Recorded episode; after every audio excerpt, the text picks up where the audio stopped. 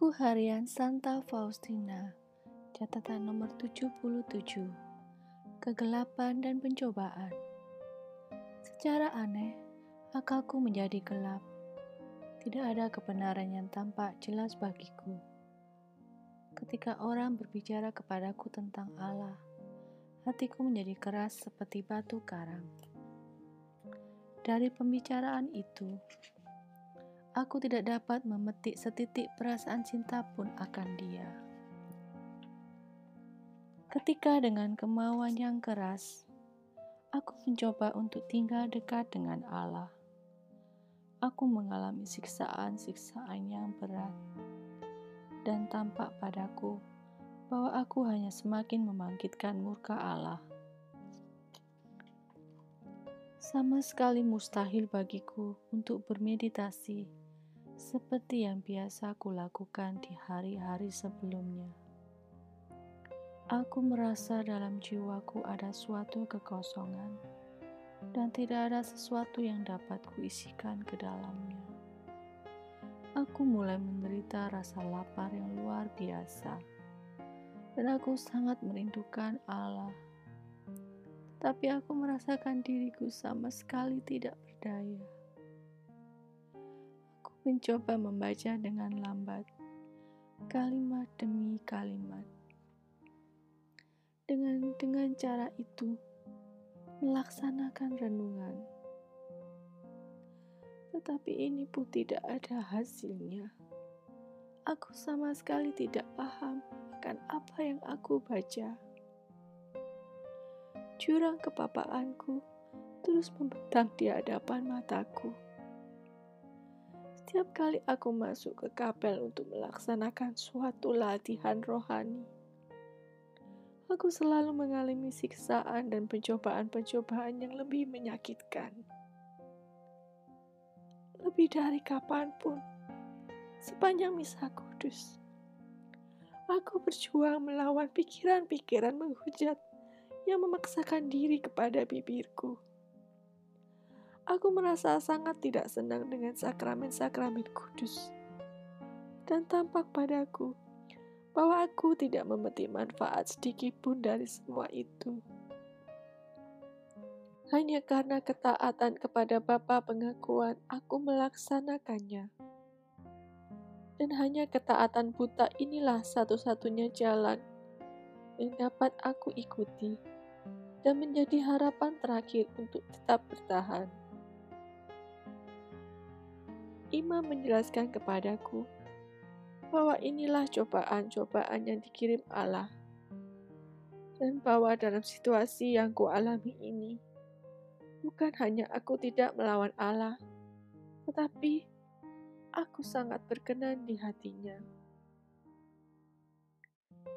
Ini adalah suatu tanda, katanya kepadaku, bahwa Allah sangat mengasihi engkau dan bahwa ia memiliki kepercayaan yang sangat besar kepadamu.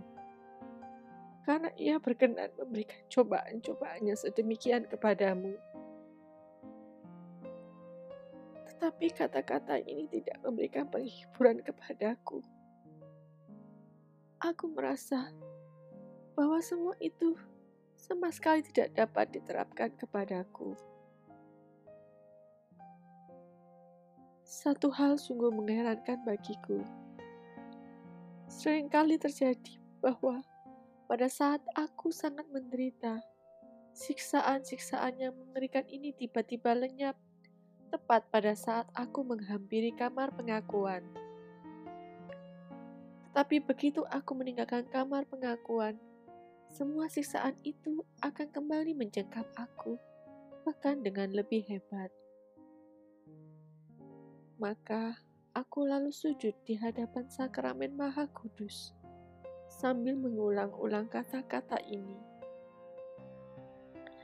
Bahkan kalaupun engkau membunuh aku, aku akan tetap berharap kepadamu. Rasanya aku akan mati dalam sakratul maut seperti ini. Tetapi gagasan yang paling mengerikan bagiku adalah keyakinan bahwa aku telah ditolak oleh Allah. Kemudian pikiran-pikiran lain muncul dalam hatiku. Mengapa aku harus bersusah payah mengejar keutamaan dan melakukan perbuatan-perbuatan baik? Mengapa aku harus mati raga dan menghampakan diri? Apa manfaatnya aku mengikrarkan kaul? Berdoa, menderita, dan mengorbankan diri Mengapa aku harus mengorbankan diri terus-menerus? Apa manfaatnya kalau aku sudah ditolak oleh Allah? Mengapa aku harus melakukan semua usaha ini? Dan di sini, Allah sendiri tahu apa yang sedang bergolak di dalam hatiku. Catatan harian nomor 78 Sekali peristiwa, ketika sedang ditimpa penderitaan-penderitaan yang menakutkan, aku pergi ke kapel dan berkata dari dasar jiwaku, Lakukanlah apa yang ingin kau lakukan terhadapku, oh Yesus.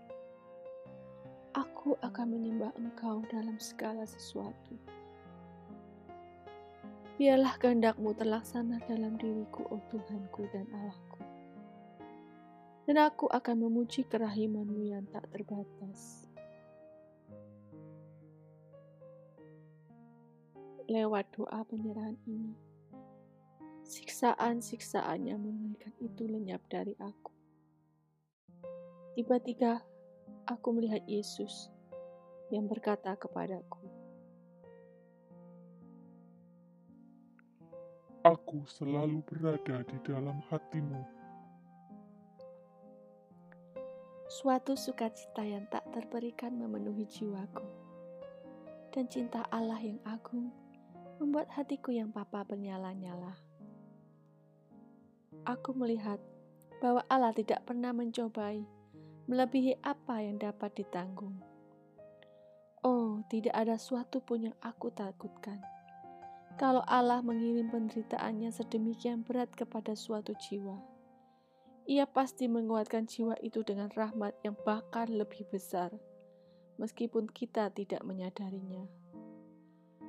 Pada saat-saat seperti itu, suatu doa penyerahan memberikan kemuliaan yang lebih besar kepada Allah daripada banyak doa yang penuh dengan penghiburan.